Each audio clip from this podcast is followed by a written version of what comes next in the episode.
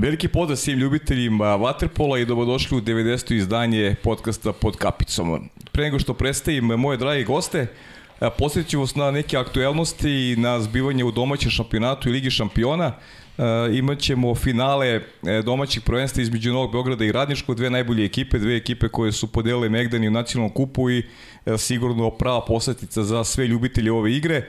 A naravno imali ste prilike da gledati na kanalima Sport kluba završnicu regularnog dela Lige šampiona gde je Novi Beograd obezbedio plasman na finalni turnir i znamo parove e, četvrfinala od 2. do 4. juna Megdan će podeliti Novi Beograd e, kao jedini srpski predstavnik igra protiv ekipe Marseja, e, Jug igra protiv ekipe Ferenc Varoša, zatim treći četvrfinale duel između Pro Reka i Brasolete koje sigurno imaju epiteti E, i derbija e, te četvrfinalne e, runde i imamo u posljednjem susretu četvrfinala ekipa Breše koja je veliki favorit protiv Hanovera, vidjet ćemo kakve su mogućnosti nemačkog tima koja je drugu godinu za redom igra na finalnom turniru u Beogradu. A sada da vam predstavim moje dragi goste sa velikim razlogom su ovde, dva direktora, imam redku privilegiju da sedim ovde sa dva direktora iz Kragujevačkog radničkog, Jugoslav Vasović i Nikola Tomašević. Dobrodošli ljudi. Dobar dan. Dobar dan. Da vas ne pitam ono standardno, kako se hoćete, već ste bili ovde. Odlično. Dobro. E, razlog za vaše gostovanje pre svega u jednom velikom priznanju koje je klub dobio od e, Skupštine grada Kragujevca. Dobili ste Đurđevdansku nagradu i to je, koliko ja znam, a mislim da sam dobro upućen prvi put da je Vaterpolo klub dobio jedno tako veliko priznanje od E, Skupštine grada Kragujevca kao potvrda sjajnog rada, sjajnih rezultata, afirmacije e, mladih igrača, pa verujem da se obojica osjećate poprilično ponosni zbog evo nagrade koju naša publika ima priliku da vidi. Pa ne samo nas dvojica, ceo klub je jako ponosan na, na tu nagradu, to je ono godišnja najveća nagrada u, u gradu Kragujevcu i zahvalni smo gradu i skupštini što su prepoznali taj neki naš rad, a nadamo se da ćemo opravdati to, tu nagradu, to poverenje i da ćemo zaslužiti ponovo neke takve nagrade. Nikola?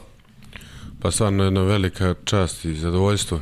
Kao što Jugoslav rekao, to je najveća nagrada ovaj, koji grad dodeljuje, tako da smo stvarno prezadovoljni i ponosni na, na, na sve što smo uradili i što smo dobili tu nagradu. Isto očekivali ljudi da će, mislim, radnički, ajde da, da ne pričamo e, generalno sportskom društvu, pratio sam malo pripremajući za emisiju, e, sportsko društvo radnički ima neki, da kažem, uzlet i u drugim sportovima ima dobrih rezultata, ali, ali Vatrpolo klub je neko ko, ko osvaja trofeje i e, imate zaista jednu seriju fantastičnih rezultata uz tu afirmaciju mladih igrača, igrača koji su i ponikli, koji su kragujevčani, a igraju i za neke mlade repestine selekcije. Pa dobro, očekivali pa i nismo. Uh mhm. -huh. Nagrada se inače dodeljuje sportskom radniku. Uh mhm. -huh. Tako da ne znam da li je pre dobio neki klub, tim je čast veće, stvarno ovo, ovo je sve rezultat celog rada celog kluba, svih ljudi u klubu i o, prosto nije moglo bolje da, da, da se desi nego da je dobio baš klub. Uh -huh, uh -huh. Ovaj, što se tiče samih trofeja rezultata, to je jedan deo ono na što smo mi posebno ponosni, to je tih dvadesetak reprezentativaca u mlađim kategorijama, sve više, sve veći broj dece koji trena vaterpolo, da nam je sad već, a već više od pola godine problem i termini na bazenu i nemamo dovoljno mesta za rad, što je sa jedne strane dobro je sad da rešimo taj problem da bi ta deca mogla da imaju ozbiljan i pravi rad. Uh mhm. -huh. E sad, to je sad posebna stavka priče. Bez pomoći grada naravno teško je, teško je da klub može da, da funkcioniše onako idealnim uslovima vi ste nametnuli visoke standarde i, i potrebno je mladim momcima obezbediti, obezbediti e, uslove za, za, za nastavak e, tog dobrog rada. E, koliko je tu saradnja sa gradom kvalitetna i koliko ste ponosni na, na tu vrstu saradnje, da li ona možda bude bolja i kako, kako stvari u tom pogledu izgledaju? Pa uslovi na bazenu u, u Kragujevcu stvarno su odlični, ovaj, tokom čitave godine je topla voda, jedino nam je velik jedan problem da donosi to ma, ma, manjak termina. Uh mhm. -huh. tako da izlaze nam u susret, daju nam što više moguće, ali veliki broj ima plivačkih kluba koji se nalaze u gradu, tako da smo ovaj primorani da se snalazimo ovaj da pod, da, da dijelimo teren u, u više ovaj dijelova, ali imamo neka obećanja od od ovaj od države i od od grada da će taj spoljni bazen u nekom momentu da se ovaj da se stavi balon i da se uvede grijanje tako da stvarno željno to iščekujemo i nadamo se da, da, da će to da, da urade. Jugo, to članstvo, kada pričamo o mlađim kategorijama, il, ima dovoljno stručno kadra da isprati sve ono što su zahtevi kluba koji iz godine u godinu postaje sve veći u tom pogledu novih članova, de, roditelja koji pre svega prepoznaju da da klub radi dobro sa decom i žele prosto da se da se njihova deca kroz waterpolo negde sportski ne samo afirmišu nego da se izgrade i kao ličnosti. Pa ovaj mi imamo trenutno u klubu sada 12 trenera. Uh -huh. uh, to je skoro pa taj broj koji treba da bude. Ono što je važno, vaterpolo nije futbal, nije tako popularan i tako dalje, ni košarka, ni šta ja znam, neki drugi sportovi, ali ima svoje mesto i veliki broj dece dolazi zbog toga što oni žele. Evo, sad ću vam dati jedan primjer od dete koje je došlo iz Užica, uh mhm. -huh. jer želi da igra vaterpolo trener sa svojih 12 godina, gde će se on preseliti u Kragovac u nakon ove školske godine. Uh -huh. I mhm. to je nešto što je lepo za sam sport. I dete je samo odabralo klub, to je lepo za nas. Uh -huh. Znači, on je bio u nekim drugim klubovima da vidi, on je odlučio da dođe u Kragovic, da li mu se najviše sviđa to društvo ili šta li, ne znam, ali je lepo da ima dece, nažalost i Užicu ima bazen, ali još uvek nije da kažem zaokružen taj klub i to dete je tamo trirali, dete jako lepo pliva, talentovano, jako je mlad momak, tako da mislim da ima i da je to dobro za naš sport, da ima prostora u, u dosta gradova da to još napreduje, da samim tim naša reprezentacija za budućnost uvek ima odakle da crpi prave igrače za, za, za ono što mi hoćemo i želimo, to svi znamo šta je to. O, ono što je sjajno, zaista poslije vreme e, svedoci smo eto uspona uspona radničkog i sve više dece koje, ajde da kažem, iz unutrašnjosti Srbije trenira vatru, ne trenira, nego igra na, na visokom nivou. Znamo da je ranijih ono godina uglavnom je Beograd bio neka baza kada, kada govorimo o, o vaterpolu. Imali smo skoro primjer da su e, Šapčani na turniru Tomu Udovičiću u Dubrovniku osvojili dva, dva zlatno odličije tih mlađe generacije, što je e, zaista super stvar. Kako se sa tim nosite? Treba e, sve više dece dolazi iz unutrašnjosti. Imati u prvom timu sada momke koji nisu iz Kragovica, koji dolazi, dolazili iz, iz drugih gradova Srbije, Uh, I to je nešto što zahteva onako uh, ozbiljne onake resurse i, i decu upisati u škole, omogućiti im i smeštaj, Kako se klub nosi sa, sa, sa tim stvarima, ima tih primjera sve više? Pa ovaj, naravno, djeca uvijek gledaju najbolje rezultate, najbolje rezultate u posljednjih 10 godina kod nas u sportu je vaterpolo. Vaterpolo prestacija Srbije osvojila sve što osvojiti može, tako da je to djeci privuklo pažnju sigurno da, da se bave i gledaju svoje neke uzore kroz, taj, kroz te rezultate, tako da ovog put, ovih godina je stvarno velika, velika popularnost u Vatrpolu u celoj Srbiji, tako pogotovo ovaj, u Kragujevcu, gradu kojem, koji je eto nedavno, mislim nedavno, ima bazen deseta godina, ali u zadnjih par godina su stvarno veliki rezultati urađeni i dosta tih dječaka i djevojčica, evo sad imamo, pričali smo već mm -hmm. o mhm. ženskom klubu koji smo pokrenuli I mi stvarno izlazimo u susret svima, kogod želi da dođe kod nas i da, da, da proba i da trenira i, i što kaže Jugoslav iz drugog grada želi da dođe,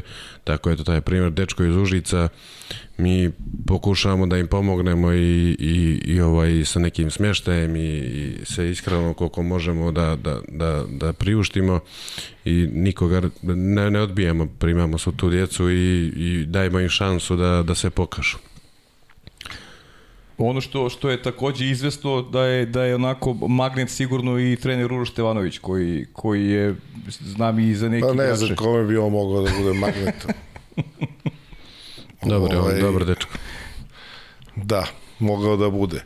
Da, mogu da- Ovaj, e, pa za tu malu decu, ne, to je već Ok, za ove dobro, za starije, za starije. starije da. igrače, da kažem starije mlađe igrače, uh Mhm. -huh. gde stvarno žele da rade sa njim ponovo mi nije jasno zašto, ali ovaj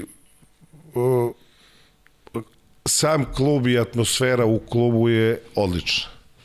Naravno da nije ništa idealno, niti možda bude idealno, ali je odlična je, radna je, pre 15 dana nam se priključio i Nemanja Knežević koji je bio selektor Kazahstana uh -huh. dugo, dugo godina i, i radit će kod nas sa mlađim kategorijama to jest bit će trener jedne generacije naj, najstarije generacije ovaj da kažem juniorske u, u mlađim kategorijama i uh, on, on je jako zadovoljan sa onim što može da radi.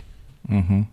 I to je ono što mi, mi želimo, mi prosto ovaj sport je takav da mora da se radi mnogo, čim malo napraviš pauzu kao igrač, to se odmah oseti, voda traži da budeš u njoj, a najvažnije radi, najvažnije je da si srećen kada radiš, jer to je slučaj sa gro trenera koji mi imamo i zato, zato su i takve rezultate i zato su pored dobrih uslova i deca vojna da dođu i da treniraju. Pa da, ali zašto sam malo prinaveo naveo Uroša Stevanovića? Nešto što, što radnički ima uh, za razliku od drugih klubova, to je neka baza ljudi koja je tu već godinama unazad. I, i, Pa ima i Nikola Tomašević, pa nisi to rekao da, da deca dolaze da. zbog njega.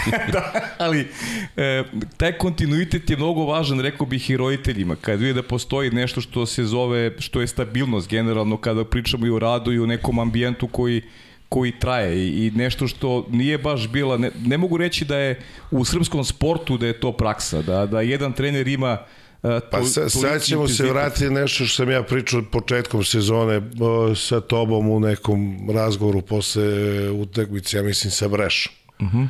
uh, znači, poslednjih godina se mnogo toga promenilo u Srbiji. Ogromna pomoć koju mi dobijamo kao sport uh -huh. od države, od predsednika Aleksandra Vučića uh -huh. je dovela dotle da mi imamo sigurnost. Uh -huh. Nisu to sad neke basnoslovne sume, ali mi imamo sigurnost u tom delu, recimo, tamo 2013. do 15. treneri nisu znali da li će dobiju platu, kada će da bude i tako dalje. To se odmah oseti. Ovo je sad jedno, nisu to, stvarno nisu neka ogromna ni primanja ni tako dalje, ali je najvažnije da redovno to redovno mm -hmm svako radi svoj posao, što mora da radi svoj posao i, i odatle se crpi ta sigurnost. Mm -hmm. Nikola? Pa dobro, kao što je rekao Jugo, sa stvarno velika pomoć od, od, od, od države, da možemo da se i da se toliko ne razmišlja o, o financijama da možemo da se prepustimo tom radu, pogotovo sa mlađim kategorijama, da eto mi pošto kao što sam rekao nije nije vaterpolo u Kragovicu dugo godina moramo da sami pravimo te trenere mlađe kategorije s tim nekim momcima koji su trenirali kod nas do, došli do, do nekog do prvog tima i nisu imali prostora tu da, da, da, da igraju i naš predlog ima ko želi da radi i želi da napreduje da ostane u klubu i da, da, da radimo tako da veliku, veliku ovaj, nadu polažemo u te naše trenere pošto isto veliki problem i naći neke trenere dovesti sa strane da bi se uklopili u taj neki naš sistem rada. Jer svaki trener ima neki svoj sistem rada, a mi imamo svoj sistem rada s kojim funkcioniše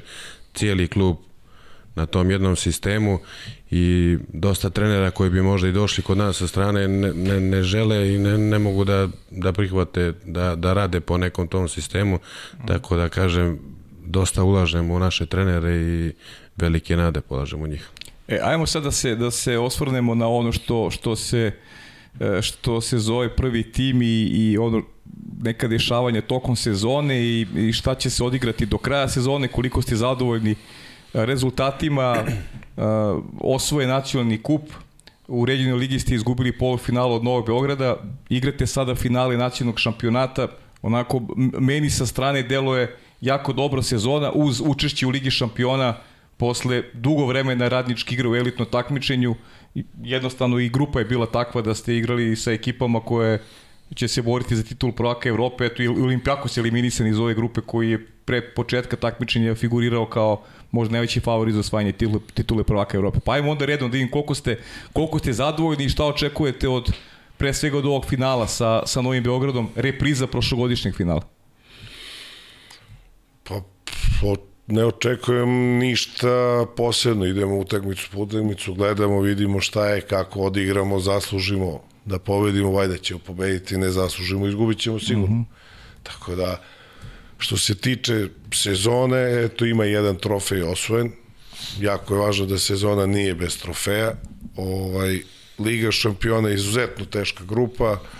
Uh, mislim da je moglo bolje, Nije moralo, ali je moglo bolje, a nije uopšte malo urađeno. Osvojili smo 13 bodova u ovakvoj mm -hmm. konkurenciji. E, mi smo debitanti tu i više od pola ekipe je debitant u tom takmičenju, pogotovo e, sa ambicijom da se nešto uradi. Mm -hmm. Ima koji su igrali pre za neke naše klubove, pa se ne uzme ni bod u, u cel Ligi šampiona, to je velika razlika u onoj drugoj grupi bilo koja ekipa od ovih koje nije prošla, Sent Bilisija možda, ali mislim da bi se i oni borili za ulazak u osam, bi prošla. Znači, mm. I Jadran Split i Olimpijakos i mi, naravno. Ali takav je žre bio ono što je najvažnije za nas i na početku sezone, to je kad je bio ovaj žreb u, u Rimu, E, ja sam bio na Žebu, gospodin Stevanović je bio u Pragu na svetskom juniorskom. Kad smo dobili grupu, zamolio me da više ne idem na Žeb. I neću ići još? Neću. Ali ja sam tada njemu rekao, ovo je nama super da ovi momci igraju prave utakmice celu sezonu. E, preteška, pretrpana sezona, ogroman broj utakmica u kratkom vremenskom periodu. Ovaj, nadam se da ćemo za sledeću sezonu to malo bolje da organizujemo mm -hmm. i nije bilo ni, ni realno moguće zbog korone, zbog svih problema koji su imali da se nešto odigra drugačije. Mm -hmm. A sad se nadam da možemo da napravimo jedan raspored pravi da, da rasteretimo i klubove i, što je najvažnije igrače da pružaju najviše na utakmicama. Pa možda je, možda je ta regionalna liga mogla da bude srećno organizovana. U stvari teško da je mogla u uslovima pa, kad se nije znalo svetsko kad je evropsko. nije mogla, regionalna liga se igra, prelazimo granice. Mm. Uh, kako je, evo, svi znamo kako je bilo sa, sa ovom pošasti koja nam se desila, da zemlje uvode razna ova pravila, pa nema okupljanja, pa ovako, onako, pa se pooštravaju uh, za ulazak u zemlju, to nije, nije, stvarno nije bilo moguće. Ovo kada ideš na turnir, pa da do, dobiješ neke dozvole koje su potrebne, to je lako rešivo, a sad nedelju za nedelju, eto nije. Ali nadam se da, da ćemo napraviti neki sistem za sledeću godinu, pa makar i ako to treba, ako ne može da se igra sve, da se nešto preskoči, da se ne igra. Mhm. Uh -huh. Nikola, ti iz pozicije i onako do skora i igrača, e, koji ti je neki moment u sezoni onako bio... Kog igrača? igrača... Na, na, ja sam mislio da ste vi mene zvali ozbiljno, mislio, da. počeli da znam kje šale. Vidiš, na tvoj račun izgleda često ima šala. Nažalost nije šal. pa, kao što je rekao Jugoslav, stvarno ova sezona je bila preteška za gledanje. Uh mhm. -huh mogu da zamislim tim momcima da, da treniranje i, i taj broj utakmica. Kad igraš Jadransku ligu, e, domaće prvenstvo, ligu šampiona, taj broj utakmica blizu, blizu 100, ja mislim, u, u sezoni. Uh mhm. -huh. Što stvarno je nenormalno nešto. Ali eto, ovaj, momci su stvarno dali sve od sebe u svakoj utakmici i, i ovaj, na svakom treningu su odradili onako kako treba. ovaj, mislim da je da, da što kaže Jugoslav ovaj sistem nije baš najbolji ali eto u svih ovim problemima oko korone i uh, putovanja mislim da su to tako, tako moralo da bude ovaj Liga, Liga šampiona Liga šampiona grupa neverovatna stvarno da, da je neko htio da pravi težu grupu mislim da bi teško, teško uspio da, da, da sastavi ovaj, tako da smo zadovoljni učinjenim u, u, u Ligi šampiona ove godine i nadamo se da ćemo i sledeće godine igrati Ligu šampiona će biti iz godine u godine sve bolje i da bude nekim kontinuitetom. Ja, bilo je tu dobrih utakmica protiv Olimpijakosa pobeda, pa onaj Feres Varaš, onaj povratak na minus 4 u Kragovicu, pa izjedna, izjednačenje. E, e, imali ste protiv, no, na početku sezone je bilo, či, ako, ako, ako mi dozvolite, e, možda se malo tim tražio, ali vremenom sve, sve bolje igre i protiv ovih najjačih klubova Evrope radnički je parirao ajde da kažem. Pa, možda je Barceloneta, taj poraz u Barcelonete, možda onako Barceloneta je bila dobro, baš tada u najbolji formi. I Barceloneta i Breša su nas kući Jesu, da. demolirali. Da. A do, to je bio početak sezone Breša. Pa dobro, ali mislim, to su škole Waterpola. Barceloneta mm -hmm. je sa nama tada u Kragujevcu prvi put u sezoni bila, bila kompletna, kompletna da. u treningu sve i od tada je Barceloneta, ja mislim, mislim uh, da nije izgubila utakmicu. Znači, da je dobila sve i odigra nerešeno sa Brešom. Sa Brešom, da. Da, tako da Barceloneta je ušla u, u formu i igrala je odlično od nas pa sledećih dva meseca, ali takva je sezona bila, sve ekipe su imali te amplitude, da. up and downove, mm. ovaj, uh, mislim, bit će vrlo interesantno na Final 8-u, mm -hmm svi igraju svoja finala play-offa, tu je realno ponovo Barceloneta u jednom, da kažem, polašćenom položaju, zato što je... Nema rivale tamo. Tako je. Marsej, nadam se da je Novi, Novi Beograd da to može da reši u svoj korist i, i znam da može i da, ali ovaj Marsej ni malo nije naivan. Uh mhm. -huh. Odlična ekipa, odličnu sezonu imaju kudi kamo teže finale nego Barceloneta. Mm -hmm. Ovo je sve ostale ekipe koje su u borbi, znači imamo četiri četvrt finala, tri su paklena. Da. Tri su paklena, da kaže Breša Hanover, u svo dužno poštovanje Hanovera ipak nije to neko ko može da parira ovim top ekipa. Mhm. Mm Nikola, kako si ti vidio, kako vidiš ti tu završnicu koju ćemo eto, gledati I na kanalu Kao što Jugoslav kaže, stvarno ovaj, u oz, koja ekipa koja dolazi iz ozbiljne lige i već je sad kraj tamošnjeg prvenstva igranja play-offa. Evo, na primjer, Jug je u subotu igrao je prvu utakmicu doma, nedelju, nedelju. u nedelju, da. u sredu ligu šampiona, sad opet igraju ne znam, mislim da ovaj Mislim da utorak igraju sa... Utorak igraju drugu utakmicu, posle toga ovaj, posle, sve te utakmice su teške igraju, ja mislim na tri dobijene utakmice, tri, da. znači ovaj, veliki broj utakmica, teških utakmica i posle toga dolaze na, na, na završni turnir Lige šampiona. Sigurno da, da, da nije, nije lako ni ostati ostat skoncentrisan i pripremljen za toliki broj utakmica, ali stvarno očekujem jedan, jedan zanimljiv turnir i baš se radujem, jedva čekam da počne. Uh -huh.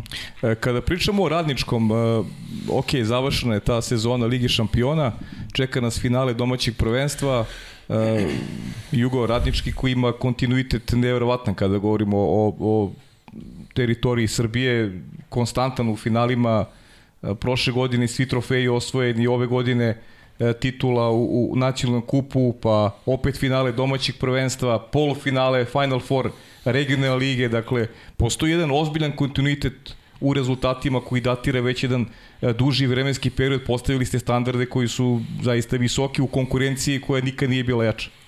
Pa, Srbija kup i prvenstvo poslednjih sedam finala, pošto se 20. nije završilo, radnički igrao šest. Da. Ovo je šesto finale koje igramo od poslednjih pet, pet finala. To je lep podatak i za radovanje i za ono da postrek za dalje. Ono što je sad nama jedino od subote, to je finale play-offa. Mm -hmm. Sinoć smo igrali Ligu šampiona sa Novim Beogradom, izgubili utakmicu ozbiljnu igra, jako ozbiljna utakmica, nije bilo kao nije važno, ne, bilo nam je važno mm da odigramo, izgubili smo utakmicu, ovaj, Novi Beograd je strašan tim, uh, igračima koje mnogo volim da vidim, makar igrali protiv nas, mm -hmm. ali ovaj, ne vidim ni jedan razlog zašto mi ne bi probali da odbranimo titul. Znajmo svi da je teže odbraniti nego osvojiti, a zato bi u eventualno tom raspretu okolnosti bilo slađe.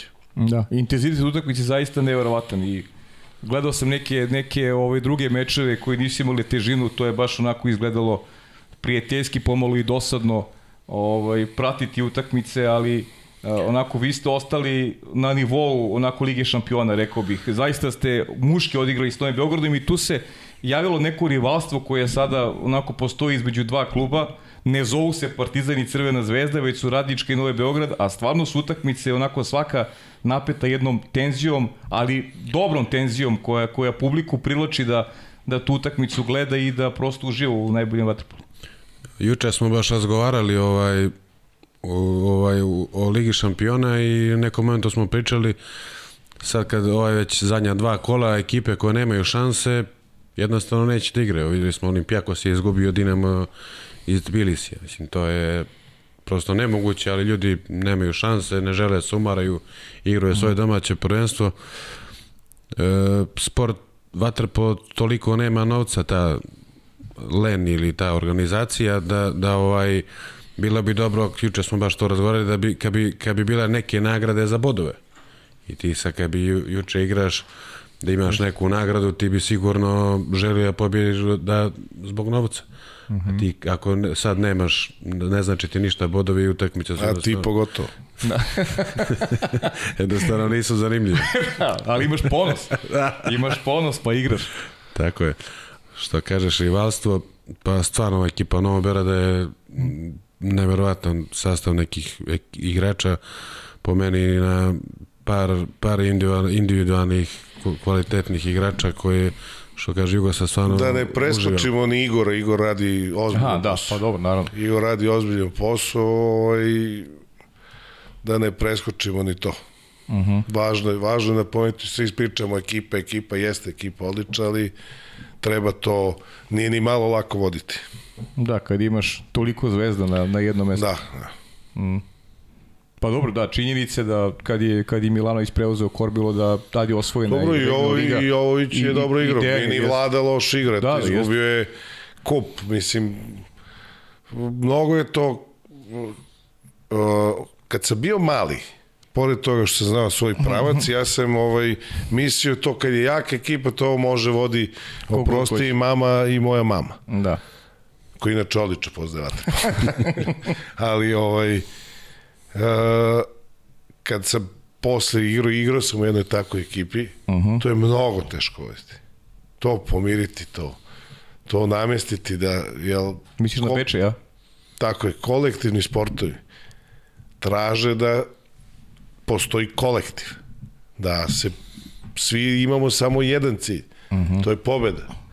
A kad ja imam cilj da ja dam 50 golova, da je meni važno da imam 24 odbrane i tako dalje, to je a pogotovo kad ja to mogu, a onda trener treba mi kaže ne ti sad ne ovo ono mnogo je komplikovano. Pa dobro, i u tom pogledu Novi Beograd, ta timska njihova igra je stvarno sve bolja. Evo, zato Novi Beograd ima sjajan tim, zato što su to inače stvarno divni momci. Uh mhm. -huh. Sve odreda. Da sad Tako ne da. nabrajam, jer nekog ću da, da. zaboravim, da. Uh -huh ali mora da izdvojim dvojicu, znači Jakšić, Mandić, pa su, ne znam, njih dvojica zajedno još, to je, vidi se kod nas u reprezentaciji. To je strašan tandem, strašni igrači, van serijski, da se ne urede ostale, a njih dvojica su posebno, posebno dobri. Pa su njih dvojice sad ovi i neki novi lideri reprezentaciji, momci koji će obeležiti ne samo domaću, nego i svetsku pa scenu. Pa jesu, pa realno i u Tokiju su bili, da. ako ne najbolji, minimum 3-4 najbolji igrača. Tako je, da. Bez obzira što samo kapa dole za velike šampione koji su sad prestali da igraju za reprezentaciju, mm. Jakša i Manda su već dobrano preuzeli to, taj teret na sebe. Ja, znate ko je na fantaziju dao najviše poena na, na olimpijskim igrama? Ja znam, Ti znaš, da? Znaš ti? Ne znam. Jaškić. Jeste. Da. Najviše poena donao, ima najbolju statistiku. Svaka čast. Pa, da. On jeste Taj bio igrač. taj. da. On jeste bio taj. S druge strane, mislim da sam negde to pročitao, video, pošto znam da to na olimpijskih igra nema. Fića je proglašen za MVP-a. Jeste, jeste Fića MVP, I da. Fića i trebao da bude Da, MVP. pa da. Fića, onaj go Fićin. Špancima. To je za špice. Jeste, jeste. To je, i to je, To je, cela, ono, to je ono Milanović iz Madrida, recimo. pa ja, kako kaže, Milanović iz Madrida je početak jedne, u stvari, ajde, bio je već Los Angeles, ali u Los Angelesu nisu bili Rusi. Uh Mhm. -huh. U Madridu smo tukli Ruse u polufinalu. I to je početak jedne, da kažem, dominacije jugoslovenskog vaterpola. Sa tim Milanovićem. I, ali ja nisam poznavao ta, tu generaciju kao što poznajem ovu, uh -huh. da mogu da vam kažem o, odgovor da potpišem da u onom šutu Fićinom je cela njihova ta karijera reprezentativna sublimirana u tom jednom šutu gde se Fića diže, eh, gde Manda plače posle utakmice, mm -hmm. a Fića preko četiri bloka i golmana, znači samo dva igrača protivnička nisu bila u golu, probija, zabija, ljuti smo, svi ste protiv nas, onaj go što su priznali na, na Navaru, ono, ne znam da će nekada da se ponovi, da, da, da onako bude situacija, hoću da verujem da je, da je bio go, nije mi jasno kako, ali ono je fantastično, fantazi. Mm. I Fića kao Fića, kao kapiten te reprezentacije na kraju samo kapa dole za svi, svih njih 6-7 koji su sad završili, plus naš igrač danas Miloš Ćuk, plus i oni koji su bili pre od 2009. to je ta generacija koja je preuzela i poosvajala svašta, tu je bio i Marko Avramović i Slavko Gak, ponovo ću da zaboravim neko Slobodan Soro, koji su deo te generacije na početku, gde su ovi momci na kraju zaokružili sebe, a nadam se da će Manda i Jakša zajedno sa Savom osvojiti tu treću Paris. Tako je.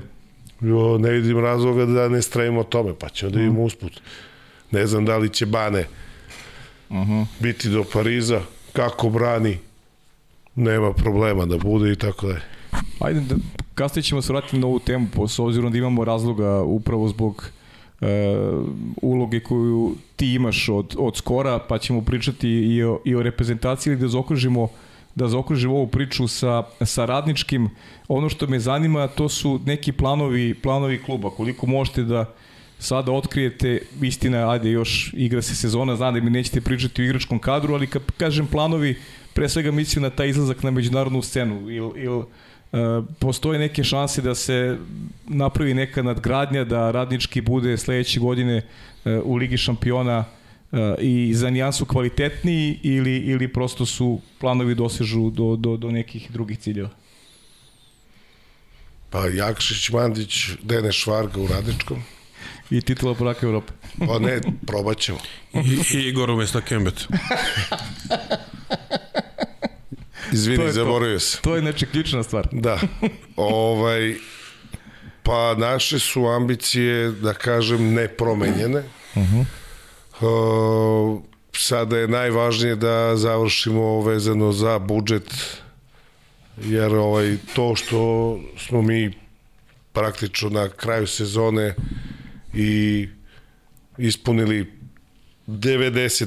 93% svojih obaveza je najvažnije za, za sve nas i ovaj da to tako bude i sledeće godine znači u kada završimo budžet uh -huh. znaćemo tačno o, mislim da nećemo da kažem da, da, da padamo uh -huh. želimo neke naše mlađe igrače 2004. godište da malo više gurnemo koji su ove godine bili na pozajmica po drugim klubama u prvoj ligi, u super ligi i tako dalje, da vidimo, da probamo da ih dignemo na ovaj nivo gde, gde smo mi sada, jer to je osnova naša i naša politika uh -huh. kluba. Tako da bit će nekih promena. Sigurno koliko, ne znam. Ne znam da kažem ni dok ne završi sezona. Jer recimo, ako Naravno. smo mi danas planirali da zamenimo Dobožanova, a Dobožanov sad u finalu odbrani sve, Mislim, uzeo sam Dobožanova kao primer zato što Dobožanov ima ugovor i neće ići u Italiju iako to. Iako bi to neki hteli, ja? pa, ne znam, pročito sam, ali ovaj, uzeo sam njega kao primer zato što je to tako, da sad ne, neko ne shvati pogrešno. Da, znači, jasno. Prosto je to, još se igra, ima da se vidi šta će i kako će imamo da ne nabrajam 6-7 igrača koji su pod ugorom, imaju još godinu, dve ili tri ugora, tako da nismo uopšte u nekom nećemo sigurno moći da i ne želimo da, da, da sad ovo što sam rekao, što sam se našalio za za Uroš. Dođe to, ne za Uroš. Za dovođenje to, igrača. To, to je već Nikola. A ne njegov, to je njegov fah. Ovaj, da, tako je. Može i Nikola možda da sedne na klub. Mm -hmm. Ima taj, a nije ljen. Mm -hmm. to, on bi mogao da radi. Mogu bi. Mogu bi. Mogu bi. Mogu bi. A i zna, i zna. zna. A i zna. Pa ne, zna, zna. Zna. Ali bi mogao da radi. Mogu bi da radi. Nikola, pa i kaži mi ti kako si, pa evo pričaj, Juga je pričao o tim igračima, pa zanima me malo to, ti momci koji su na pozajmicama, pratili ste, siguran sam, koliko ste zadovoljni, igramo u drugim klubovima, njihovom afirmacijom, Pa stvarno su se ti naši mlađi igrači koji smo ih dali u pozajmicu u Valjevu, u Pančevu i tako neke ekipe su se pokazali kao lideri u tim tim, hm. tim sredinama koje su, to su isto ovaj, i tu ima igrača koji, koji znaju da igraju i koji igraju godinama, tako da nije ni tamo lako igrati sigurno, ovaj, pogotovo što je ta, te ekipe su ni, ni neko kvaliteta posebnog, ovaj, tako da, što je rekao Jugoslav, sigurno da ove godine moramo da obratimo pažnju na njih, da im damo ovaj, prostora i šansu da, da se pokažu i da, da budu dio, dio ove ekipe. Uh -huh. e, ono što je još veliki plus Jugo ove godine, odziv navijača. Vaše utakmice su uvek dobro posećene, Vaterpolo, da kažem, primio se Pelcer, nije bilo lako u startu, naravno, iako je radnički, onaj stari radnički, znamo kakve je igrači imao, drugačiji je prosto bio put, to je goto proizvod i odmah stigao u Kragujevac, ovo je nešto što ste vi mukotrpno gradili i doveli do toga da i kao posledica jednog zaista sjajnog rada da je to prepoznao i grada, su prepoznali i navijači koji u velikom broju ne, gledaju ne samo utakmicu u Kragovicu, već imate dobru postoju i na, i na bazenima širom Srbije. Pa, uh, Kragovic je grad sport. Mm -hmm. Ljudi vole sport. Stvarno ljudi vole sport. A mi od kad smo krenuli ovo od 2016. sa drugom ligom, pa prva B liga i ovo, stvarno imali smo solidnu posetu. Od tamo, recimo neke 18. Nama je bazen svaki put pun. Mm -hmm. Bazen nije grandiozan, prevelik broj mesta, ali uvek bude više ljudi nego što ima stolica. I to je ono što je zadovoljajuće. Atmosfera na samom bazenu, za mene je nestvarna. U, u, mi smo gubili od Barcelete 6-0 prvu četvrtinu, uh, 8-1 poluvreme, niko nije izašao sa bazena, uh, ljudi su navijeli za svoj klub, dajemo go za, za 8-2, uh, kao da smo poveli. Mm -hmm. uh, to je lepo. To je lepo, ljudi vole, vole svoj klub navijaju za svoj klub bez da se vređe drugi klub, što je isto jako važno i hoće malo da se digne tenzija na sudije i ovo ono kao što i, i pa, svuda, pa, ali ništa nema, da kažem, ružno u ovome za sada i nadam se da će tako ostati to je ono, to je, to je stvarno najlepše. Zato bi sport se igra zbog neke publike. Uh -huh. Valjda i ti igrači daju više kad izađu na teren ono puno, pa neka lepa atmosfera uh -huh. i tako da nego da igramo pred praznim tribinama ovaj kada nema nekih zabrana. Mm -hmm.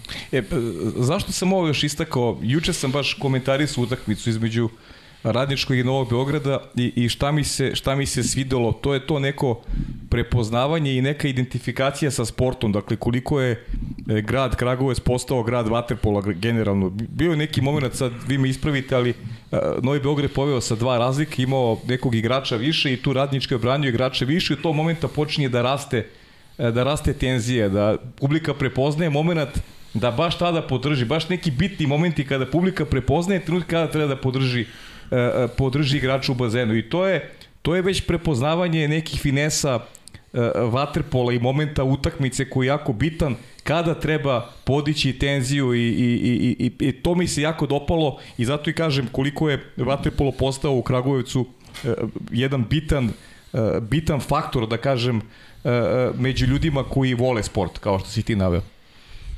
Pa sad to je već dete koji si ti prepoznao, ja ni nisam obratio mm -hmm. pažnju na te stvari, ali mnogo puta nam je ovaj publika, da kažem, pomogla, pogotovo kod kuće, ali ovaj meni je najvažnije da oni dolaze, da, da, da ima publike i da stvarno je sportska priča što se tiče toga. Nema ništa ružno u tome što ljudi dolaze, kupe da, kartu, da. sednu na tribinu i gledaju neku, čak i svoju decu. Za mlađe kategorije isto dolazi puno ljudi da gleda, mada dolaze i roditelji, na primjer, dolazi Partizan, dođu njihovi ono, ali budu tu dosta, ne, finala u bilo kojoj kategoriji, to su vam puni bazeni. Uh mhm. -huh. Vama.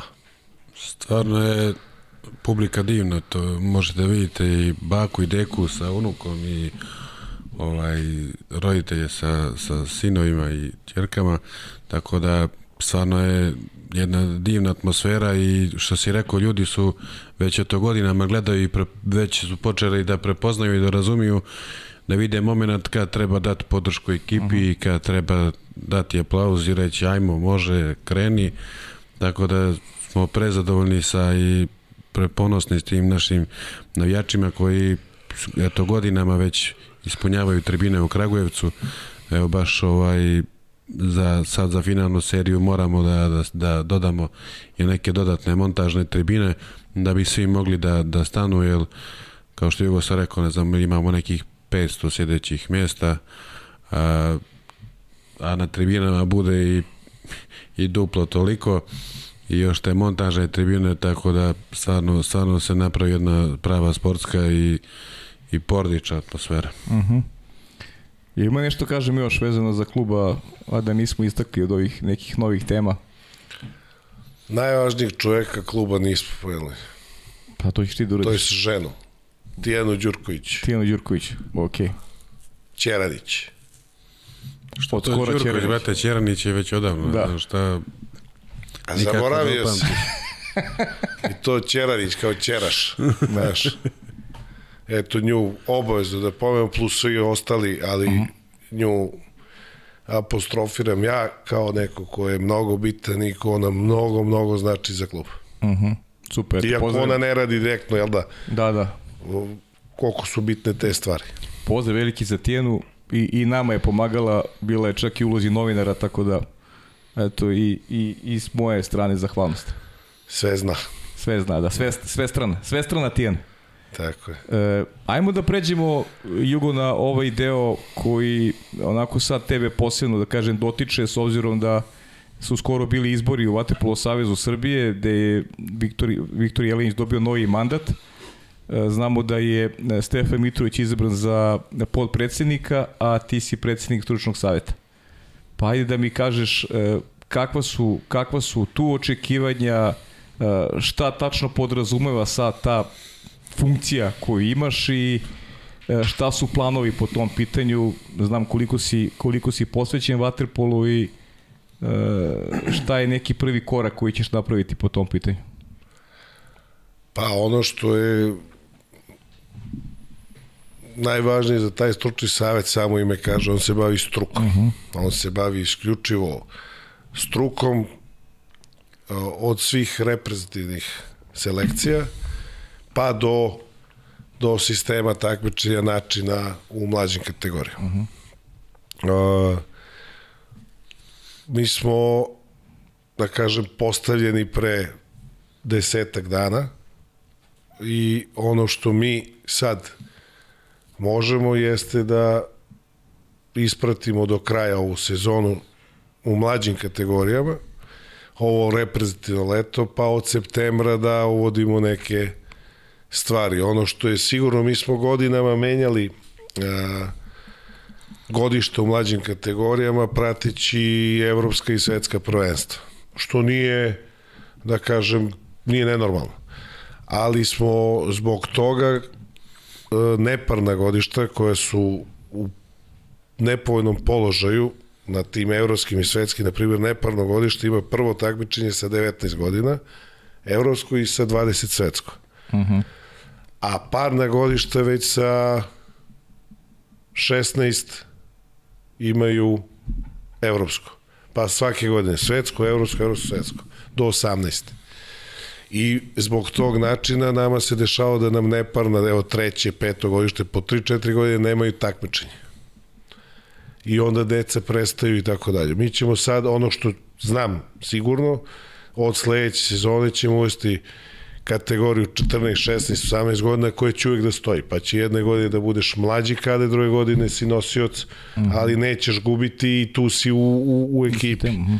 Tako je, zna da se menja kao što je i bilo pre. To, je, to je ono što je sigurno. Ovo drugo vidjet ćemo polako. Mislim, Što se tiče uh, reprezentacija,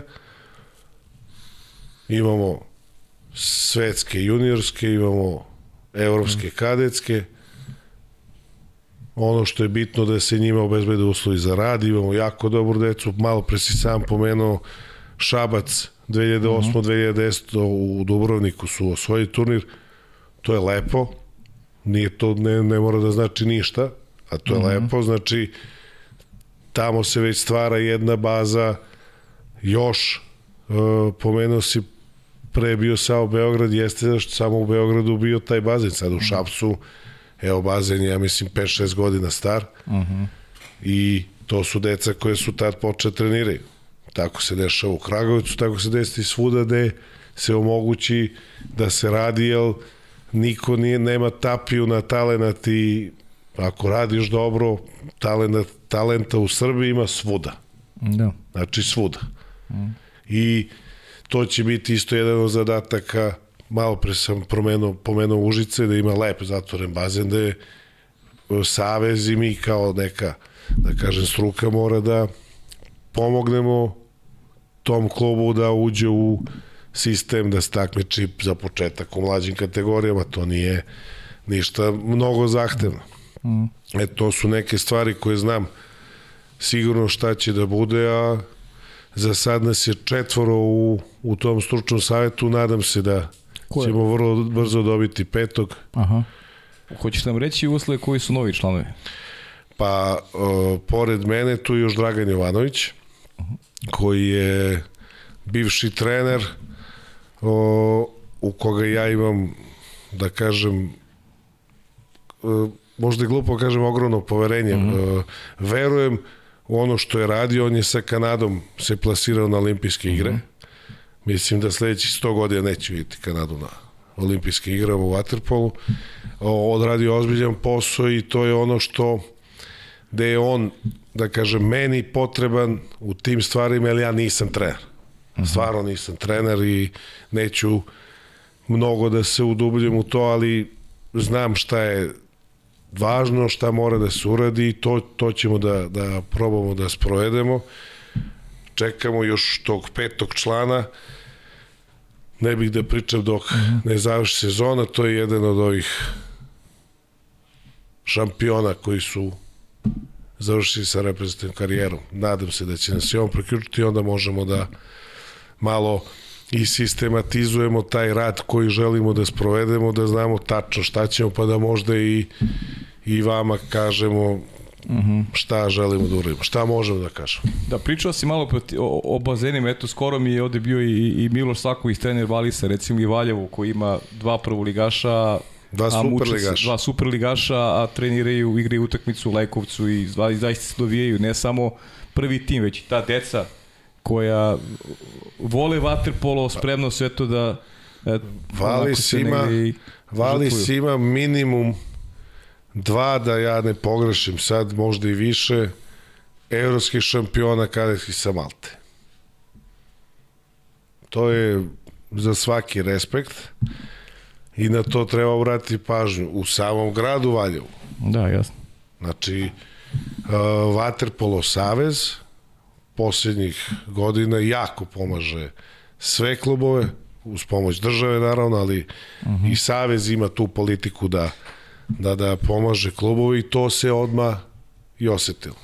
Uh -huh. uh, važno je da mi uspemo da napravimo, da zaokružimo neki sistem rada, jer uh, evo Nemanja Stanović koji kod nas isto je juniorski svetski prvak je dete iz Leskovca.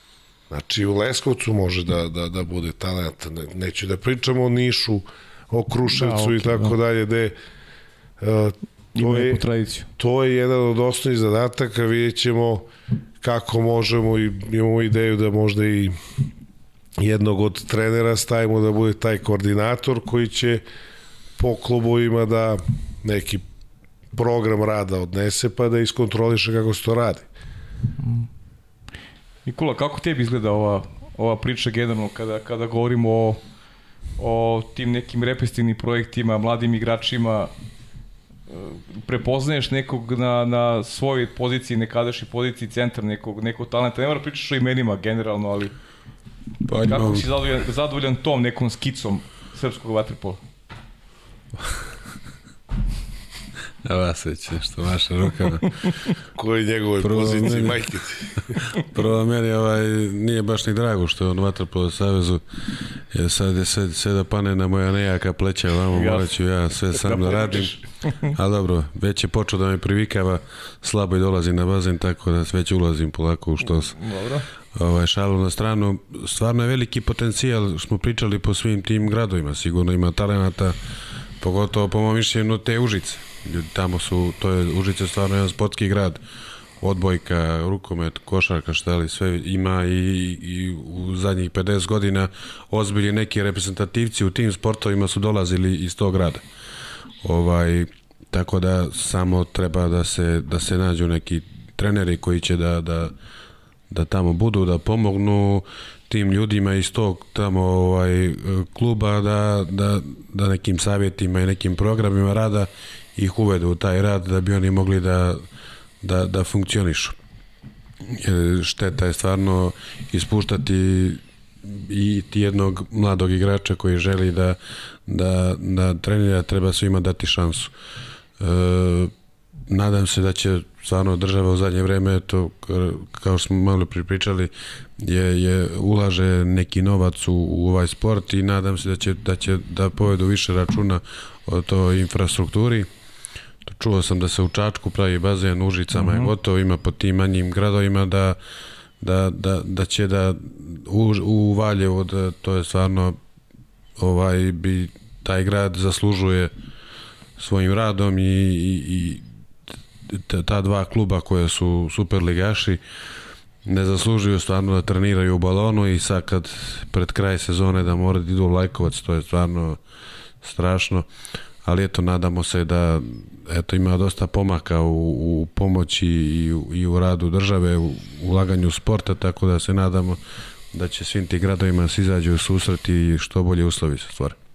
E, kada pričamo o reprezentaciji, naravno, glavni glavni onako fokus je su svetsko i evropsko prvenstvo ove godine. Opet dva velika takmičenja iste godine nije nešto što e, nismo navikli kad je vaterpolo u pitanju.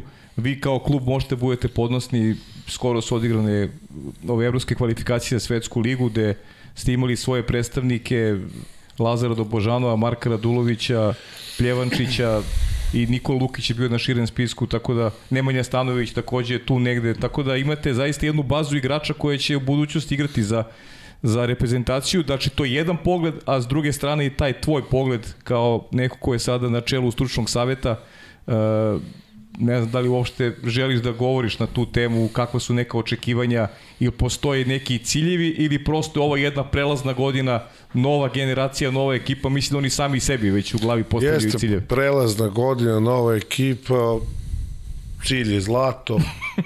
Da. Mislim, jednostavno, a stvarno nije sad ovo ništa. Da. Mi prosto drugačije ne možemo.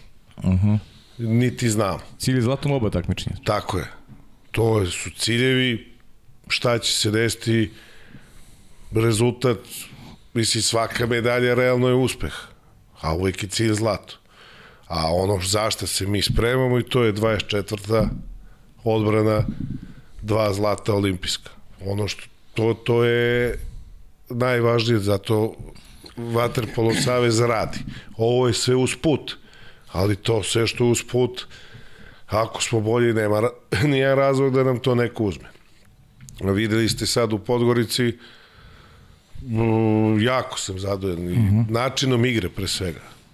Tom grupom stvarno dobra odbrana, napad kad treba reaguje i sviđa mi se kako, sviđa mi se kako to izgleda. Uh -huh. Neka nova energija, ovaj, daleko od toga da je to neka nadmoć kao što je bilo, ali nema razloga da ne bude. Uh -huh. Za dve uh -huh. godine. To su sjajni igrači koji ulaze uh -huh. u, u reprezentaciju. Pa plus ima igrača koji su godinama uz A reprezentaciju. Mislim, ajde ih nabrojimo. Može. Uh, Bane Mitrović, uh, Đorđe Lazić, Sava Ranđelović, Nikola Jakšić, Dušan Mandić, sam zaboravio još nekog... Strahinja. Strahinja Rašović, uh, Nikola Dedović, bio, znači mi imamo sedam olimpijskih šampiona u toj ekipi. Ni, nismo ni mi, jesmo napravili smenu, ali nije to tako uh, morao bih u tom delu da pohvalim gospodina Savića. Ovo, ali pored toga što sad igrači su kao dobri, to je jedan dobar sistem, dobro izgleda igra i to treba unaprediti i ne sumnjam da će tako biti. Pa da, ima baza igrača koji su igrali na velike takmičenjima, bez obzira što a, nisu osvajali ono svetsko prvenstvo, ono čuveno. Tako je, dobro, to svetsko prvenstvo da kažem da zaboravimo. Ok, nije, nije bilo, važno. Nije da. bilo medalje, ali je bilo neče drugo. Pa nešto nije bilo, bilo medalje, tako igrača. je, bilo je nekih igrača, bilo je nekih koji nisu, nije, nije važno, uopšte važno je da ovo sada meni izgleda jako dobro. Za svetsko prvenstvo je premali broj dana za trening. Uh -huh. Znaš, što ono počinje dve nedelje, 15 dana posle završetka Final Eight-a, da. gde ćemo mi sigurno imati sa Novim Beogradom 7-8 reprezentativaca ili potencijalnih reprezentativaca. Mm. I to sigurno težao radi, ili ti momci treba da imaju neki odmor. Jasno. A već ulaze u novo izuzetno zahtevno takmičenje, ali kako nama, tako i drugima, pa da, da probamo da izvučemo što više možemo, videli smo da možemo, daleko od toga da je to završeno, sad kad kao dole smo bili prvi, bit ćemo, nije, sad će da. i ozbiljnije da nas hvataju, ali tu smo, dobri smo. Uh -huh. A kada pričamo o, o nekim drugim reprezentacijama, svi su doživjeli manje više neke promene. Šta ste tu videli na nekom planu igre, na kada pričamo o nekim potencijalima mladih igrača? Nekako vidim da Hrvatska opet ima, ima mladi perspektivni igrače, pa vidimo su, koliko Jug lepo radi sa... Pa, ono š, realno iz Praga mi smo najmanje ubacili. Uh -huh. Znači, nama iz Praga samo Marko Radulović. Da. A italijani ima ih dvojica, trojica.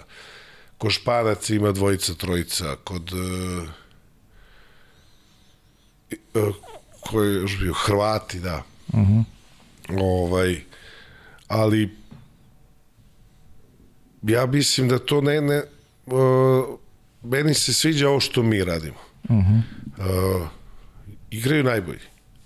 Ali on ima 15 godina ili 35, on igra ako može. Jer ako sa 35 nije spreman, nije dovoljno jak fizički, onda on više nije najbolji. Sad nešto da nekog sklonim zbog ovoga ili onoga, ja nisam za to i taj širi spisak kod nas i jeste dovoljno širok, imamo igrača na svim pozicijama za, za reprezentaciju, to mi je to mi je okej. Okay. Sad je najvažniji, taj najteži deo posla uvek otpada na selektora Savića i na njegov stručni tim da odrade sve kako treba da bi to tamo na tom takmičenju izgledalo mm -hmm. dobro. Nikola, kako ti vidiš ovaj aktualni trenutak kada govorimo o reprezentacijama, dosta promena novih mladih igrača? Pa, kao što Jugo sam rekao, ovaj, kostur te ekipe je ostao. To su stvarno tih 6-7 igrača koji ostalo su olimpijski šampioni, tu nema onda više priče o njihovom kvalitetu. Ovaj, igrači koji su sad se ovaj priključili i prišli a reprezentaciji su stvarno isto jedni ozbiljni igrači i momci koji su već nisu od juče tu, tu su već godinama priključeni i kroz mlađe reprezentacije i kroz pozivanja u, na pripreme A reprezentacije, kroz, da li imali su šansa neki da igraju te svetske lige ovaj, u tim utakmicama, tako da očekujem stvarno da kao i što je Gosa rekao se uvijek ide na, na medalju. Tako smo navikli, tako smo odgajani. Što se tiče promjena u drugim reprezentacijama što sigurno smo se mi naj, najmanje podmladili što, što kaže Jugoslav Crna Gora stvarno to primetim baš ima dosta uh -huh. tih mladih igrača kojima će treba onako čini mi se malo više vremena da, da, da se vrate u, u, u taj neki sami vrh ali eto to je moralo da se desi i dobro je što mlađi igrači dobijaju šanse i, i, i prostora za, za igru. Da, vidim da si Leka Ivo i sad u prostoru prestacije da više neće igrati. A jeste, jeste, Leka 35 godina. Mm.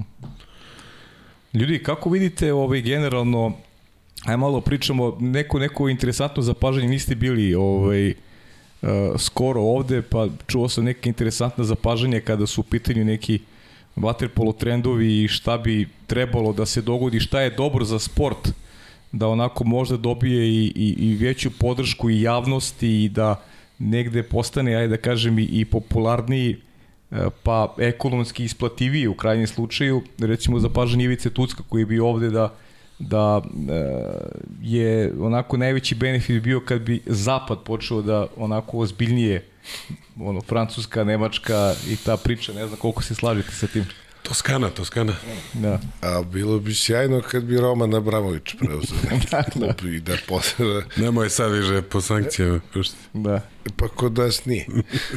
ovaj, to stoji, to je, to je stara priča, ali ovaj, ja ću vam jednostavno reći, za početak bi bilo dobro da pauza između druge i treće četvrtine bude bar 10 minuta, ako ne 15. Dobro.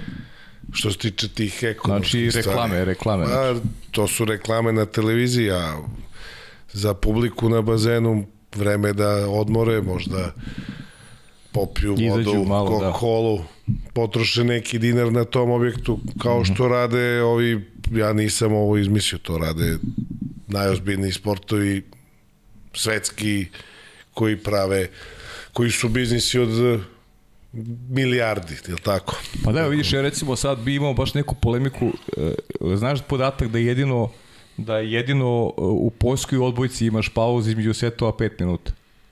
Da svuda je kraća pauza. A Poljaci imaju, od, imaju pauzu od 5 minuta između dva seta. Ni, nisam, nisam znao, ali i tih 5 minuta je malo. Je malo, da, evo, jeste malo. Znači, malo u pogledu onog što, što hoćeš da kažeš. 10-15 da. minuta da bude pauza. Kaže, olajđi se igrači, pa nek se olade. Ima pravo da se raspravi, pravo da ode u sočionicu, odmori, vrati se ponovo. Da. Mislim, bo, to je što se tiče ekonomski. Uh mhm. -huh. Mislim da i u futbalu oni mogu da izađu odmah posle 5 minuta da igraju drugo polovreme, tako? Pa mogu, da. Ali tih 15 minuta im znači, znam, to je priča stara, pa malo manje od 10 godina da Nemačka Bundesliga izačuli su kad bi digli pauzu s 15 na 20 minuta na polovremenu da bi ne znam koliko miliona eura više donos, mm -hmm. nedeljno po, po kolu klubovi zarađivali koji mm -hmm. organizuju. Mm -hmm. To je prosto. Pivo, hot dog, dobro kod nas ne može pivo, Ok, pa dobro, ali ali ima šta može, sadržaj, tako sadržaj, ima nešto imaš, što može čovjek može da odmori. U krajnjem slučaju ima da imaš jedan da, da uđeš u butik recimo na stadionu da pogledaš nešto eventualno. Dobro, na stadionu nemaš vremena za to, ali na, na, na, na bazenu, bazenu da. Na bazenu, da, to ste Na bazenu da. Na bazenu da. Mislim, to je taj neki uh, waterpolo se sveo na to platiš kartu, dođeš, odgledaš iš kući. Mhm. Uh -huh. Ni minut ne potrošiš više tu Uh, pa bukvalno, jes. Ni jedan sport, ali ni jedan, apsolutno ni jedan sport nije na, za televiziju, svaki je bolji uživo. Tako je. Posebno vaterpolo. Mm. Posebno vaterpolo. Ni košarka nije za televiziju, ali ona stane u ekran kao ceo teren, ali nije, mnogo je lepša uživo. Da. Pa ja... Futbal. Pogotovo mislim ovi sad, ovi novi, nazovi moderni vaterpolo s novim pravilama gde, gde se i brže igra i kraće traje napad i pa, leteće izmene. Me, meni je teško, ne vidiš neke stvari. Meni je teško na TV prenosu da im sve šta se desilo. Da. I da razumem šta, šta je bilo. Uh mhm. -huh. Nekad stvarno ne, ni ne znam šta, šta je, na primjer, sudi od sudi. Evo ja recimo ne znam juče šta je, zašto je isključen Miloš Ćuk, ne znam. Rekao je E. E, prigovor. Aha. Prigovor, znači. Da. I Lukić prepostavljam da je, da je isto to, da je prigovor bio pitanju. To, to je i mogo da se nasluti. Pa moram da, da kažem nešto, da nije isto kada Miloš Ćuk kaže e i Lukić koji prigovora i posle opomene sudije da, da, to ne radi. da ne radi. Meni nije isto. Mhm. -huh. I Miloš Ćuk je Miloš Ćuk. Miloš Ćuk. Da. Tako da mislim da je njega prebrzo izbacio, uh mhm. -huh. ali ovaj, dešava se, nema pravo ni to da uradi i sudija ima pravo da ga izbaci, tako da uh mhm. -huh. to je okej, okay, ali eto, vidiš ti nisi video to, nisi, stvarno ne, na, na televiziji mnogo toga ne vidiš, a današnji sport, svetski i, i biznis de, bez televizije ne može. Jasno, jasno. Bez televizije ne može, ali ovaj malo više kamera i recimo prenosi 2012 iz Londona su sa podvodnim kamerama ono mnogo bolji bili nego nego drugi prenosi. To je bila ona e, svetlosna oznaka za 2 i 4, 5 metara. Metra, da. Mhm. Tako da, mislim, ima stvari koje su jednostavno to da bi ulagao zapad, naravno da bi bilo mnogo bolje i istok i zapad, ali ja mislim stalno menjamo pravila mislim da će to opet da prođe isto, šta god da promenimo, prođemo isto, da mora da se napravi način da sam organizator može tu da prihoduje nešto. Plus, mm -hmm. plus svi su nam bazeni uglavnom ne baš najsrećnije urađeni za to. Da. Nema ni, ni taj planiran Za prostor. Sadržaj, ni, da. Tako je. Znači, uh, vratit ću se na ono što znam sigurno, Engleska, njihovi stadioni, ispod svake tribine ima onaj boks sa, da kažem, eto, kafeom ili oni što prodaju na polovremenu pivo, kod one pite njihovi i tako dalje. Gde, gde oni zarađuju ogromna sredstva. Mhm. Uh -huh. Odlična ti ideja ovo za, za te pauze. Nisam, nisam razmišljao o tome, moram priznati. Stvarno je super super ideja, samo ovaj... Mm, Sve moje ideje su super. Da, da, okej. Okay. ili, ili imaš još neku možda za vezano za popularizaciju, jema, pa da jednu, na jednu malo manje zanimljiviju temu bih prešao posle. Jema, jema puno lipih stvari, ma ne smije reći. ne smiješ reći, ja. Da, ovaj, pa mislim eto, prosto trudimo se neko da afirmišemo nešto što što je što je dobra ideja Dobro, da popularišemo sport. Vaterpolo nikada neće biti fudbal. Pa naravno neće, neće biti ni jedan drugi sport neće tako biti. je. Mislim, nije, nije to sport. Ali vaterpolo ima svoju publiku. Tako je. Uh, vaterpolo treba da se obrati svojoj publici. Znači, mi imamo svoju publiku, ljudi koji vole vaterpolo, vole vaterpolo i vole da ga gledaju i hoće da idu i tako dalje. Znači, mi mora da budemo dostupni, Mi mora da, da napravimo to kaže igra se samo u tri zemlje, to je ovde čuve, čuvena priča, tako? Pa je tu te tri zemlje. Koliko zemalja se igra kriket, kod njih je mega popularan. Ja još, evo, ja mnogo volim sport, čak i bejsbol znam manje više pravila. Kriket ništa ne razumem. Da. Volao bi da ga gledam, da razumem, ne, ne mogu. I otprilike kapiram da može ko preferans da traje do kraja života. Da nema kraja. Jeste. Ali ima publike, ono, ono su stadioni po 100.000 ljudi bude. Ima pa da, ali zato treba da se radi na tome da se afirmiše to. Tako je, svako je svoje tvoje, da, svako svoje da tako afirmiše. je. Da. I recimo mi kao Srbija, evo posljednjih deseta godina smo najbolji na svetu u Waterpolu. Tako je. A što nama to nije bitno? Mi bi da budemo u futbolu. Pa i ja bi volao da budem u futbolu. Malo ide teže. Ovde smo najbolji na svetu. Tako je. U košarci smo bili najbolji na svetu. Da će Bog, bit ćemo ponovo. To je gde smo najbolji, da, da mi to čuvamo, da mi to sad tri zemlje i, i te priče. Pa baš me briga, tri zemlje na svetu, mi smo najbolji. na svijetu. Da. Na svetu, tri zemlje. Da, to je, to je onako priča zavidnih, baš, baš je smešna priča, neko tipično za ovo podneblje, da nešto što je dobro pokušavaš negde da Da uniziš. urišiš pričama o, eto, kako, kao futbol igraju više od pet zemalja. Samo pet zemalja osvaja u futbolu. Uvek. Nema šest, uvek pet. Kako ti vidiš, Nikola, ovu problematiku? Ima neki, neki predlog s tvoje strane? Kako ovaj sport koji je najbolji na ovim prostorima, kako ga poboljšati? Si zadovoljan ti s ovim novim pravilima? Kako ti to izgleda u poređenju sa onim što je nekad bilo malo statičnije? Kažu mnogi da, da su i pravila nekako izmišljena da bi se zaustavio taj neki nalet e, Srbije i, sa, i, i ekipa svojih prostora koji igraju perfektnu obranu, da su ova pravila negde više pogoduju Špancima, recimo, konkretno. Pa što se tiče popularizacije, ja mislim da bi tu da mi nismo kompetentni baš da pričamo toliko, sigurno da ima ljudi koji su završavali škole i fakultete da se tim bave. Uh -huh. To su marketinski stručnjaci koji sigurno da, se, da ih neko angažuje malo više i da, da se neko potrudi da bi se sigurno našlo neko rešenje ka, kako, bi, kako bi se dovelo do, do veće popularnosti. Mi ovo što možemo da uradimo i što je do nas, mi to sigurno sam radimo najbolje. Mislim na celokupnu ovaj ovaj vaterpolo sport u, u Srbiji. Po rezultatima se to vidi zadnjih 10 godina. Tako da mislim da ipak neki ljudi bi tu trebali da se uključe koji su malo stručni za taj za taj ovaj rad. Uh -huh.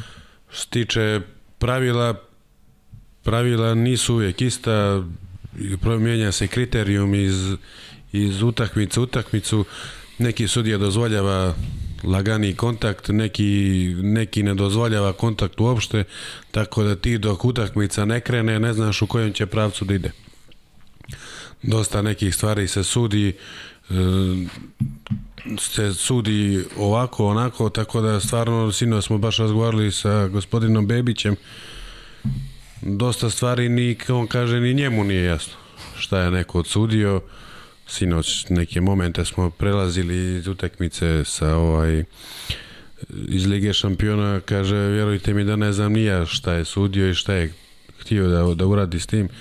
Tako da Da, dobro, takav je sport i privika, uvek se treba privikavati na nova pravila i sigurno ih niko zbog nas neće mijenjati, tako da mi moramo da se prilagodimo i da, da, da što prije uđemo u, u taj neki neki sistem i da, da radimo najbolje što možemo. E sad, to su sad nova pravila, dotakli smo se jedne teme koju sam hteo da, da započnemo, nova pravila u kombinaciji sa kriterijumom suđenja. Ja sam recimo juče imao priliku da gledam utakmicu između Ferenc Varoša i Breše.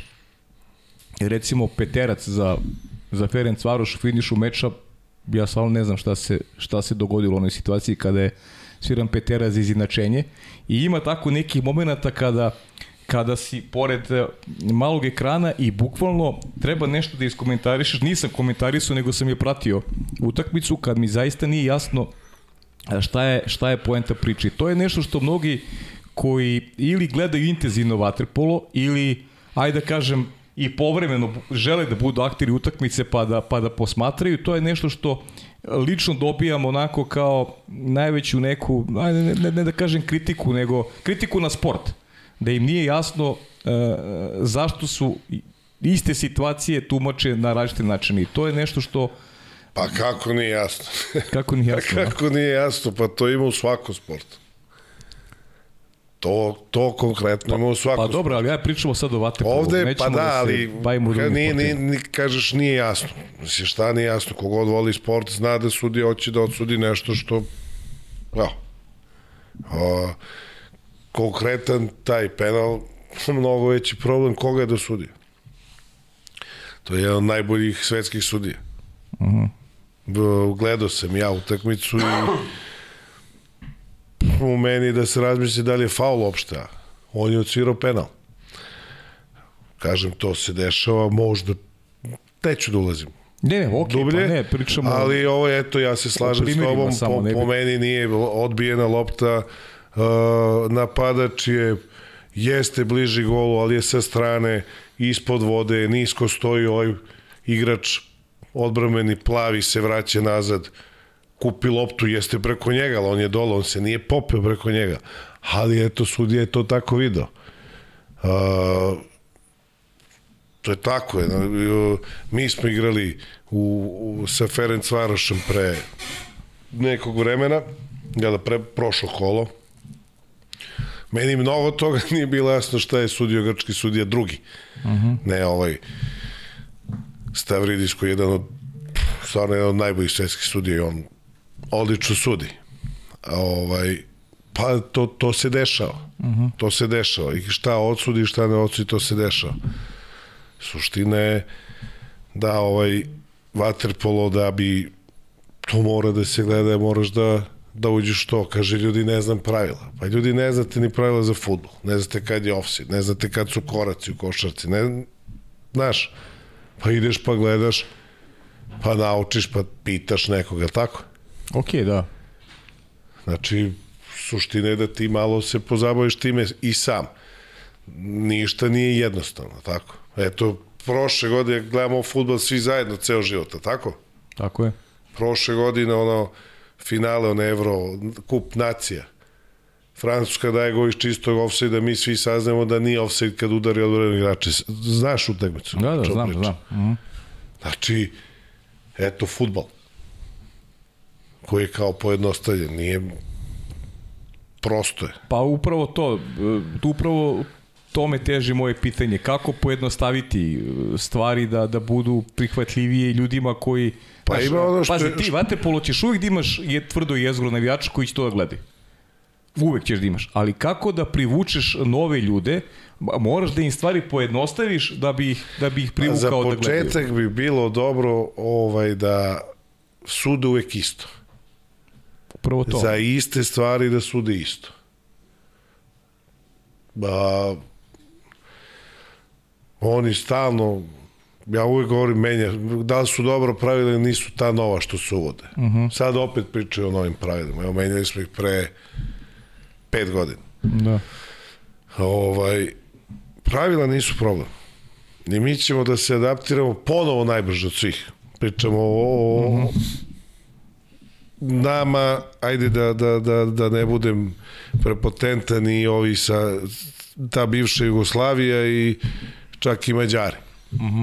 Nije, nije, nije sporno to menjate pravila. Pa oni stalno teže da ubrzaju igru.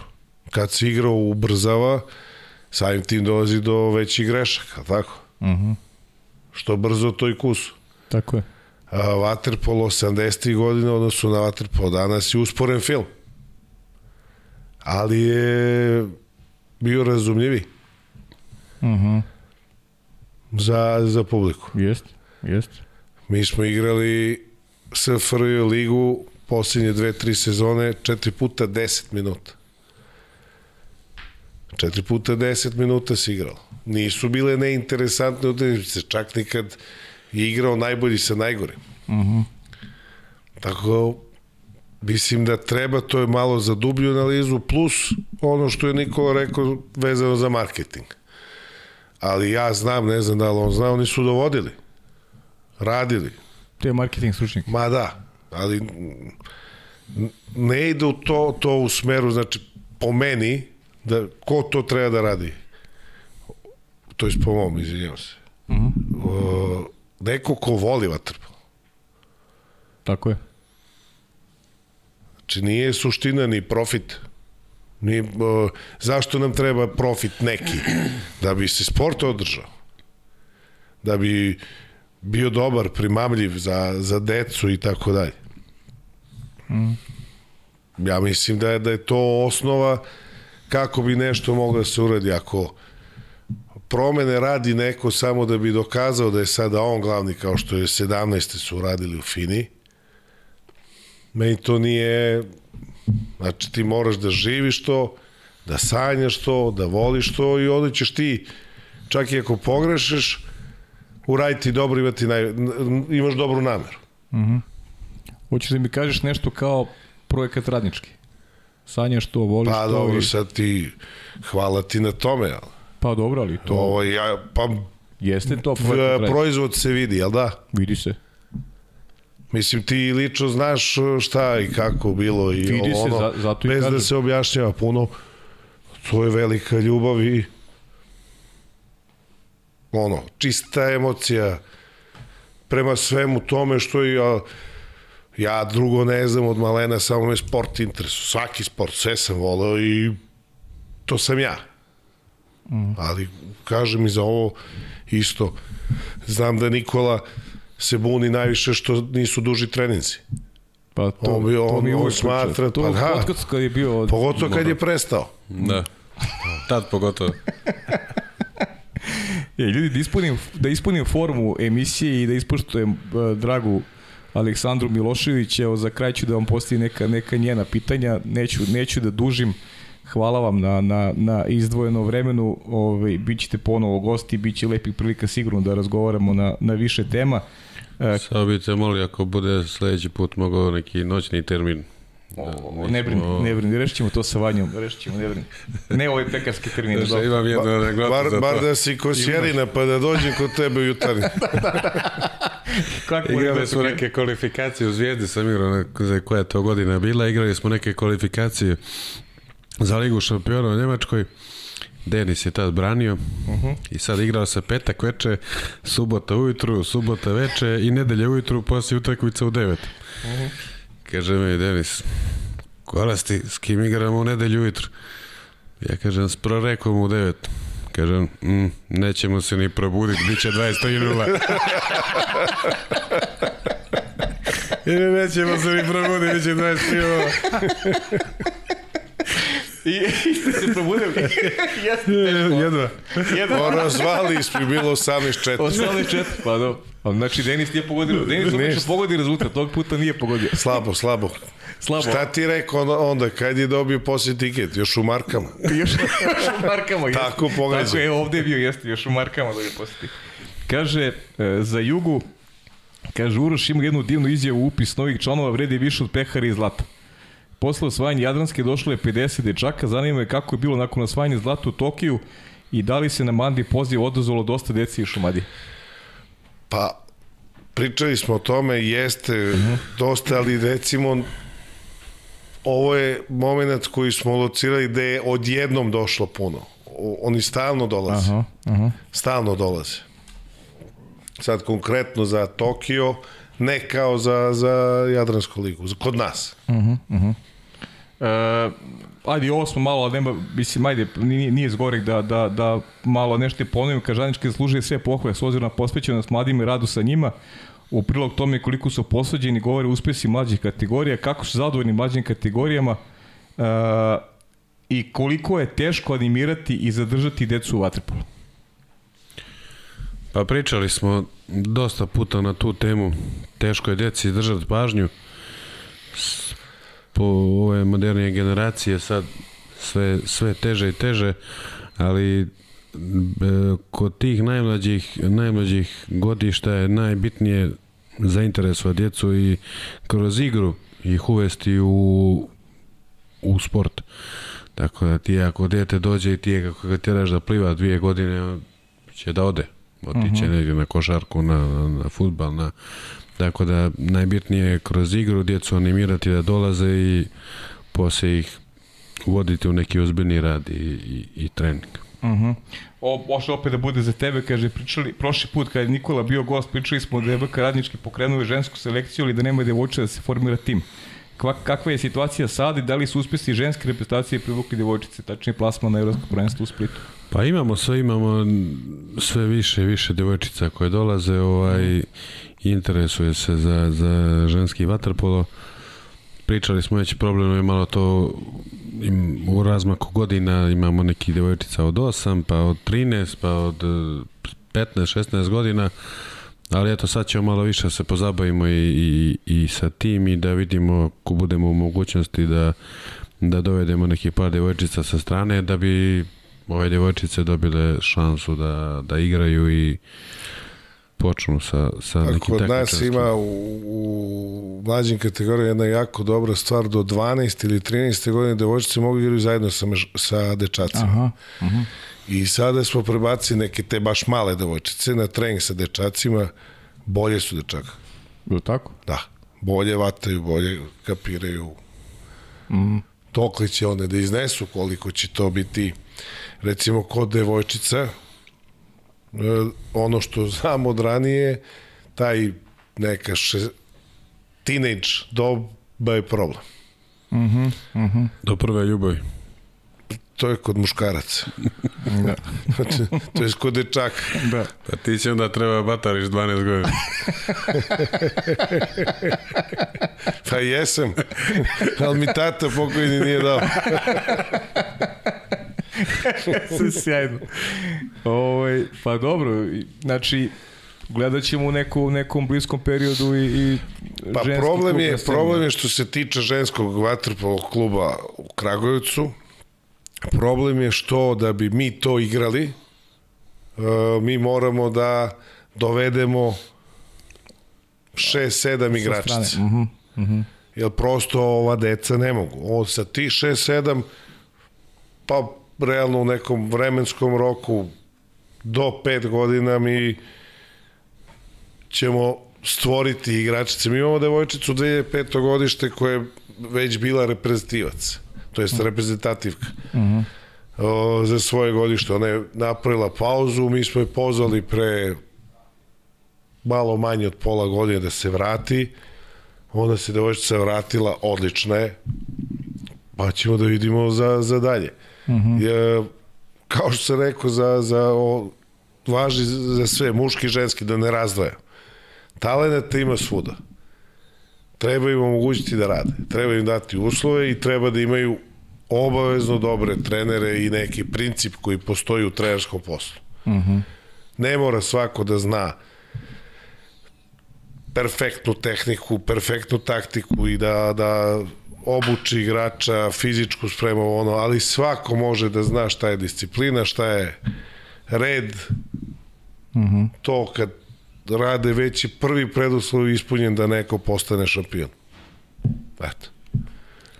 Direktori, ili ima nešto što biste rekli za kraja da vas nisam pitao u ovom vašem gostovanju? Do narednog biće, skupit će se tema još.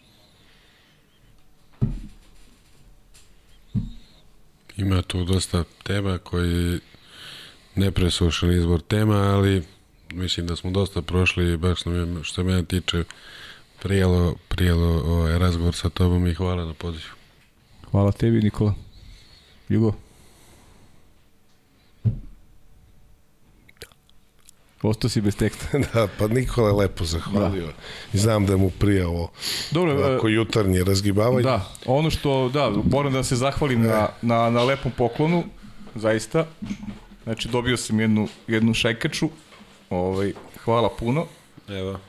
Od, da. mene, od mene jedan Dux. Dobio sam i Dux, Zvolim. hvala ti. Evo ga i Dux, hvala puno. Hvala puno na poklonima i ništa, želim vam da da nastavite Ponosno ga nosi. ponosno da ga nosim. I šajkaču. A moraš da dobiješ, da, dob, da dobiješ 2-3 kila da bi ti bio tamo. Da mi bio ta, neću, pusti, tek sam smršao.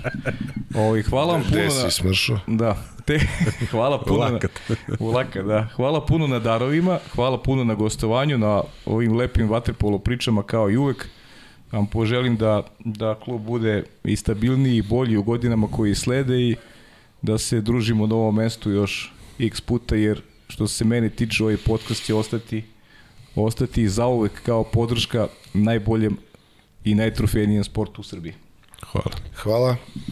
Ništa, to je bilo to, 90. izdanje podcasta pod kapicom. Sledeće nedelje ćemo napraviti pauzu, nećemo snimati pa se družimo za dve nedelje. Saznite na našim Instagram profilima ko će biti naredni gost. Ja vas do tada srdačno pozdravljam i hvala na pažnji.